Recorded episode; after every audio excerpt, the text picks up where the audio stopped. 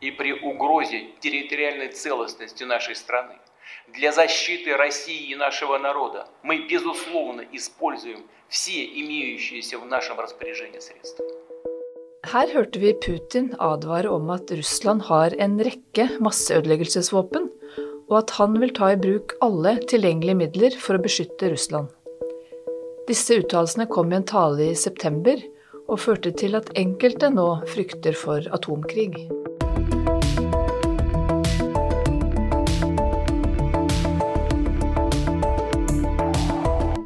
Velkommen til en ny episode av Sikre kilder, en podkast fra Direktoratet for strålevern og atomsikkerhet. I dagens episode skal vi snakke om atomvåpen. Hva er et atomvåpen, og hva skjer ved en detonasjon? Hvordan har utviklingen vært når det gjelder atomvåpen? Hvilke typer atomvåpen har Putin tilgang til? Og hvor godt forberedt er vi i Norge på atomhendelser? Til å snakke om dette har jeg fått med meg Halvor Kippe, sjefsforsker ved Forsvarets forskningsinstitutt, og Øyvind Selnes, seksjonssjef for beredskapsanalyser her i DSA. Vi starter med deg, Øyvind. Hva er et atomvåpen? Altså et atomvåpen er bygd rundt et veldig enkelt eh, prinsipp, der du bruker den energien som holder uh, atomkjerner sammen, og frigjør den energien. Og um, noen eh, stoff, sånn som uran og plutonium, har den egenskapen at de gir en kjedereaksjon som gjør at dette går raskere og raskere, og du får en eksplosjon og får frigitt store mengder energi. Og det er egentlig det som er prinsippet i, i et atomvåpen. Og så har vi eh, noen våpen som i tillegg eh, bruker dette som en tennsats, Eh, for å lage en fusjonsreaksjon der du smelter atomkjerner sammen, som er det samme som skjer i sola, og gir enda mer energi. Og dette er svært store våpen vi, vi snakker om. Eh, hvilke typer atomvåpen er det vi har i dag? Det, det er vanlig å dele inn på to forskjellige måter. Eh, det ene er måten du bruker det på. Da snakker vi om strategiske våpen som du bruker for å, med med strategisk hensikt for å ødelegge store områder, eller for å svekke motstanderens evne eller vilje til å kjempe. Og så snakker vi om mindre ikke-strategiske våpen som er rettet mot uh, direkte mål den ene inndelingen. Og den andre inndelingen er måten du leverer våpenet på. Om du bruker missiler eller bomber eh, eller raketter eller torpedoer eller eh, andre måter. Og det finnes jo veldig mange forskjellige typer kjernevåpen og forskjellige størrelser på, på kjernevåpen. Halvor, jeg mener du har skrevet at forskjellen mellom strategiske og ikke-strategiske atomvåpen ikke er så, ikke er så klar. Ja, Det er ikke noen skarp definisjon. og Man kan jo litt billig si at strategiske kjernevåpen det er de kjernevåpen som er omfattet av strategiske rustningskontrollavtaler. Men jeg vet ikke om folk blir så veldig mye klokere av det. Men eh, en måte å se på strategiske kjernevåpen på, er våpen som fra de avfyres er i stand til å ramme motpartens territorium. Og da er det jo i praksis Russland og USA vi snakker om, og da snakker vi om interkontinentale avstander. Eh, de fleste av de våpnene vi ikke regner som strategiske, de har gjerne, som regel kortere rekkevidde og kan brukes eh, på slagmarka med kanskje noen titalls eller hundretalls kilometer rekkevidde. Når det gjelder Putin, hvilke typer atomvåpen vil være mest effektive å bruke for han i dagens situasjon? Hvis du snakker om Ukraina-krigen, så er det i hvert fall veldig vanskelig å se for seg noe nytte av å bruke strategiske kjernevåpen i den konflikten. De er på høy beredskap, de er ment å avskrekke amerikansk kjernevåpenbruk. Og de har mye større rekkevidde og, og, som regel mye større sprengkraft enn det man ser for seg måtte være aktuelt i en sånn type strid. Så, og så er det jo da et spekter av egentlig alle andre kjernevåpen som vi kaller som taktiske, eller substrategiske eller ikke-strategiske. Det er mange navn på det. Og de kan ha ulike typer leveringsmidler. Det kan være flybomber, og det kan være kryssemissiler, og det kan være mer kortrekkende ballistiske missiler. Og, og en del annet, da.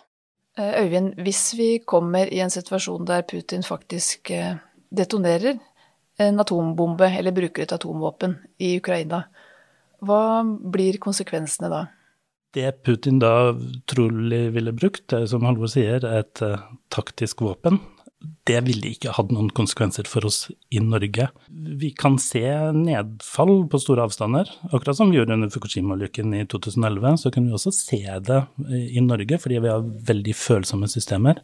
Men det ville ikke vært noen helse- eller miljøkonsekvenser eh, å snakke om for vår del her til lands. Hva med konsekvensene i Ukraina, i området der hvor sånn hendelse da eventuelt skjer? I området der det blir brukt kjernevåpen, så vil jo konsekvensene være formidable.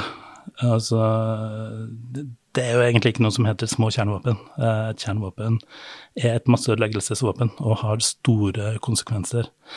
Eh, selv, eh, selv de mindre taktiske. Hvor stort område er det som vil bli rammet? Hvis vi tenker et mindre våpen, da, størrelse med Hiroshima-våpenet f.eks., så vil jo den sonen der du har en total ødeleggelse, være en sånn 1-2 km. Og så vil du ha omfattende ødeleggelser utover det eh, i eh, noen titalls kilometer. Og så vil det avta med, med avstanden.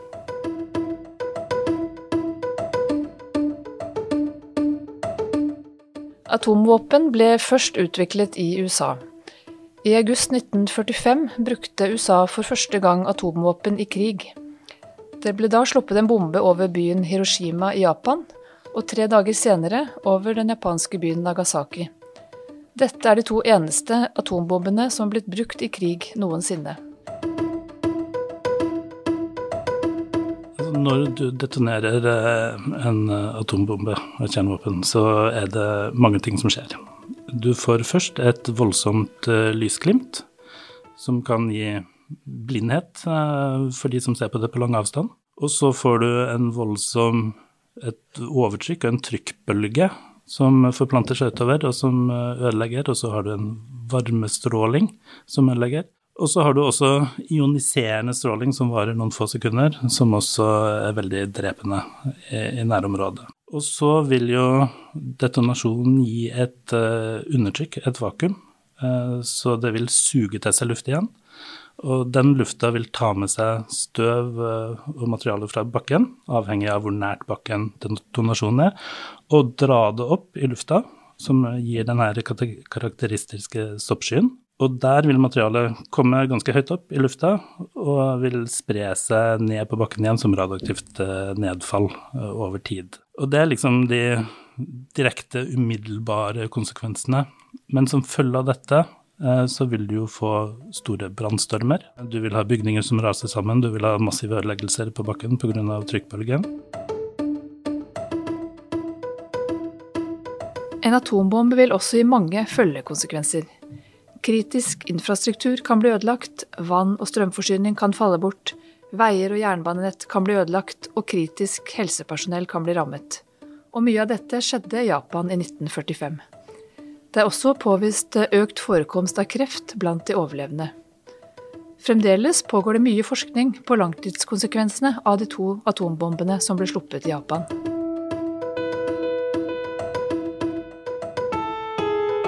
Halvor, det var jo ikke sånn at eh, atomvåpen forsvant med andre verdenskrig. Kan du si litt om hva som skjedde i årene etter? Ja, Det var jo flere land som kom etter. Både Sovjetunionen og Storbritannia fulgte ganske kort tid etter. og på 60-tallet kom jo både Kina og Frankrike etter. Eh, og på 70-tallet så hadde jo India sin første det de kalte en fredelig kjernefysisk sprengning. Da. De kom vel eh, på et vis ut av kjernevåpenskapet i 98 sammen med Pakistan. Så man hadde jo en frykt på 60-tallet særlig for at det skulle bli flere titalls nasjoner med kjernevåpen. Og da fikk man jo heldigvis framforhandla denne ikkespredningsavtalen, da, som definerte kjernevåpenstater som de som hadde prøvesprengt egentlig før denne avtalen kom. Og det er jo, jeg vet ikke om det er tilfeldig, men det er de samme som sitter med fast plass i FNs sikkerhetsråd. Altså det er USA, altså Russland, som tok over etter Sovjetunionen, da. Storbritannia, eh, Frankrike og Kina, som er de fem faste. De er definerte som kjernevåpenstater under denne ikkespredningsavtalen. I tillegg så har du da, som jeg nevnte, India og Pakistan, som står utenfor denne avtalen, og Israel, som også har kjernevåpen. Eh, og Nord-Korea, som har vært part i ikkespredningsavtalen, men som har valgt å trekke seg da i 2003 og, og utviklet kjernevåpen. Kan du si noe om atomvåpensamlingen i de ulike landene? For det er vel ikke likt fordelt? Nei, de har ikke blitt enige om å fordele det helt likt. Eh, amerikanerne og russerne har jo alltid ligget langt, langt, langt foran de andre i antall. På det meste så var det jo rundt 70 000 kjernevåpen på 80-tallet på det aller, aller verste. Og så har jo Russland og eller Sovjetunionen den gangen da, og USA de har hatt behov for å redusere sine strategiske arsenaler i hovedsak. Og de arsenalene har gått ganske betraktelig ned. Så, men det er fortsatt de to landene som har klart flest kjernevåpen. De har vel 4000-5000 våpen hver, eller vel så det. Så de, man regner vel med at det er en 12 000-13 000 intakte kjernefysiske stridshoder i verden i dag. Hva er de viktigste avtalene når det gjelder eh, atomvåpen og nedrustning? Du nevnte jo én. Ja, Ikkespredningsavtalen som jeg nevnte, den bør man egentlig omtale som ikkesprednings- og nedrustningsavtalen. For der ligger det en forpliktelse om at disse fem anerkjente kjernevåpenstatene skal ruste ned sine kjernevåpen. Det har jo ikke skjedd, eh, men den ligger der. Og den har også vært veldig viktig for å forhindre at det blir flere kjernevåpenstater. Fordi de som ikke hadde kjernevåpen, blir lovt at de som har det, skal ruste ned. Og fordi de som ikke har kjernevåpen, blir lovt tilgang til fredelig atomteknologi. Da. Men det, du har også hatt viktige avtaler mellom de to stormaktene som jeg nevnte. Sovjetunionen først, da, men siden Russland. De og USA har jo hatt sånne strategiske rustningskontrollavtaler som har redusert disse arsenalene. Og det handla i stor grad om å bremse det vanvittige kjernevåpenkappløpet som var på, på, spesielt på 60-, 70- og 80-tallet få bremsa det og etter hvert eh, redusert arsenalene og få innsyn i den andre partens arsenaler, sånn at man ikke, ikke planlegger for det verste og dermed øker sine arsenaler for å møte en motpart som kanskje ikke har så store arsenaler som man tror. Da. Hvis man har innsyn i motpartens strategiske arsenaler, så virker det dempende på denne, dette opprustningsbehovet. Så nå for tiden er det New Start som er navnet på denne gjeldende rustningskontrollavtalen mellom de partene. Og den, den setter begrensninger på hvor mange strategiske eh, kjernefysiske stridshoder som skal være utplassert, altså klare til bruk, og på hvor mange leveringssystemer som skal være eh, klare til bruk for disse. Da. Hvor stor eh, effekt har disse avtalene hatt? De har hatt, vil jeg si, stor effekt. Fordi de har klart å reversere rustningskappløpet de har, eh, det har ført til en del eh, sånne kall bonuseffekter ved at man har man bygger tillit ved å dele måledata fra missiloppskytinger, ved at man tillater stedlige inspeksjoner på hverandres territorier etter faste protokoller. Man er rett og slett inne og teller om det er så og så mange stridshoder i hvert missil osv. Så, videre. så det, det, gir, det, gir, tillit mellom partene. Eh, og det ser ut til at russerne og amerikanerne ønsker å videreføre dette her nå også, til tross for de problemene som er med Ukraina-krigen. Så det virker som begge parter ser verdien av dette her. Hvordan har det egentlig gått med nedrustningen de siste årene? Ja, nå har det jo vært sånn at eh, de første rustningskontrollavtalene eh, dro jo tallene ganske betydelig ned, eh, som jeg var inne på. Men etter hvert som man da begynner å både nærme seg tallene til de andre kjernevåpenstatene, og spesielt Kina trekker man ofte inn, for de er, regnes å være på vei opp i antall kjernevåpen, men hvor man også nærmer seg antall ikke-strategiske stridshoder i spesielt Russland. For de antas å ha rundt 1900 ikke-strategiske stridshoder. Og hvis du plutselig har flere ikke-strategiske enn strategiske, så må det også kanskje inn i miksen. Sånne ting har gjort det litt vrient å snakke om ytterligere dype kutt. Men det er ikke dermed sagt at man har gitt opp den ambisjonen. Jeg tror både Russland og USA eh, er interessert i å diskutere hva som er det neste steget. Du har også bidratt til å skrive en rapport som sier litt om status for kjernevåpen i verden i dag. Kan du fortelle litt om den? Ja, det er jo en del trender vi har, vi har sett. og Én ting er at det foregår en grad av modernisering av spesielt leveringsmidler rundt omkring i praktisk talt alle kjernevåpenstater. Eh, noen ting får høyere presisjon, andre ting får lengre rekkevidde. Eh, noen ting blir rett og slett fornyet. Og så er det en trend at en del av de statene som ikke er alliert med USA, de er bekymret for framtidig amerikansk evne til å avskjære innkommende missiler, altså det vi kaller missilforsvar. Konsekvensen av det er at vi ser land som Russland, Kina og Nord-Korea utvikler missiler som har evnen til å manøvrere i sluttfasen. Altså de faller ikke bare dødt ned til bakken i en forutsigbar bane, men de kan altså manøvrere mens de er i atmosfæren.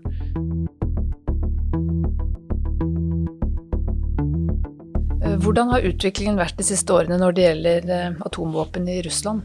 Ja, Russerne har jo i mange år hatt veldig mange kjernevåpen, og de har uh, veldig mange landbaserte interkontinentale ballistiske missiler. Og i motsetning til amerikanerne er noen av disse missilene på sånne mobile ramper, altså som sånne svære Eh, lastebiler nærmest, som kan avfyre missilet på et, et, sted som ikke er gitt på forhånd. Eh, amerikanerne har sine plassert i siloer alle sammen, eh, og på ubåter. Og etter at amerikanerne trakk seg fra, fra en avtale som begrenset missilforsvarsutplassering i 2002, så har egentlig russerne forberedt seg på at amerikanerne i framtiden kunne muligens klare å avskjære også missiler med interkontinentale rekkevidder. Det er fryktelig mye vanskeligere enn å avskjære missiler med kortere rekkevidder. Og For noen år siden så, så viste Putin fram eh, skisser av en rekke systemer som alle har det til felles, at de kan uh, levere tunge kjernefysiske stridshoder på lange avstander, og hvor de ikke nytter med tradisjonelt missilforsvar. Øyvind, du sier vi kan være ganske sikre på at eh, bruk av et taktisk atomvåpen i Ukraina ikke vil få noen konsekvenser i Norge i form av stråling. Men det kan jo oppstå en situasjon i fremtiden der et atomvåpen detoneres nærmere Norge. Hvor godt forberedt er vi på atomhendelser? I Norge så har vi en eh, veldig god atomberedskap. Eh, det var jo en av de erfaringene en trakk etter Tsjernobyl-ulykken i 1986, eh, der norske myndigheter var veldig dårlig forberedt. At vi er nødt til å ha en god beredskap i Norge for sånne hendelser.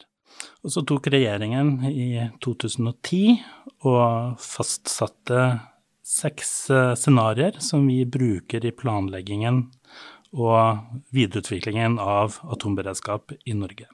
Og denne gangen så ble det gjort et veldig bevisst valg om at bruk av atomvåpen mot Norge er ikke ikke et av de scenarioene vi eh, planlegger for, pga.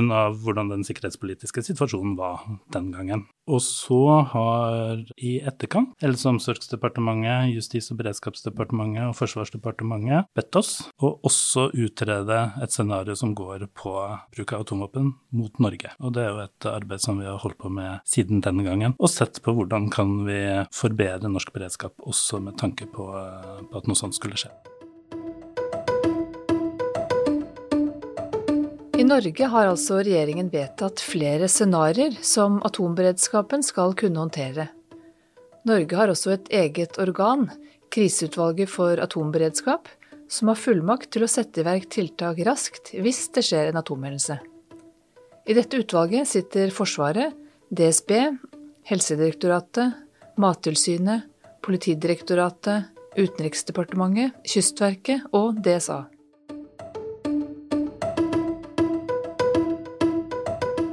Det har bare skjedd én gang i historien at atomvåpen er blitt brukt i krig. Og sjansen for at det vil skje igjen, regnes fremdeles som lav. Og med det er dagens episode av Sikre kilder over. Jeg heter Susanne Berg-Hansen og jobber i kommunikasjonsenheten her i DSA. Klippet du hørte i starten er hentet fra The Guardian.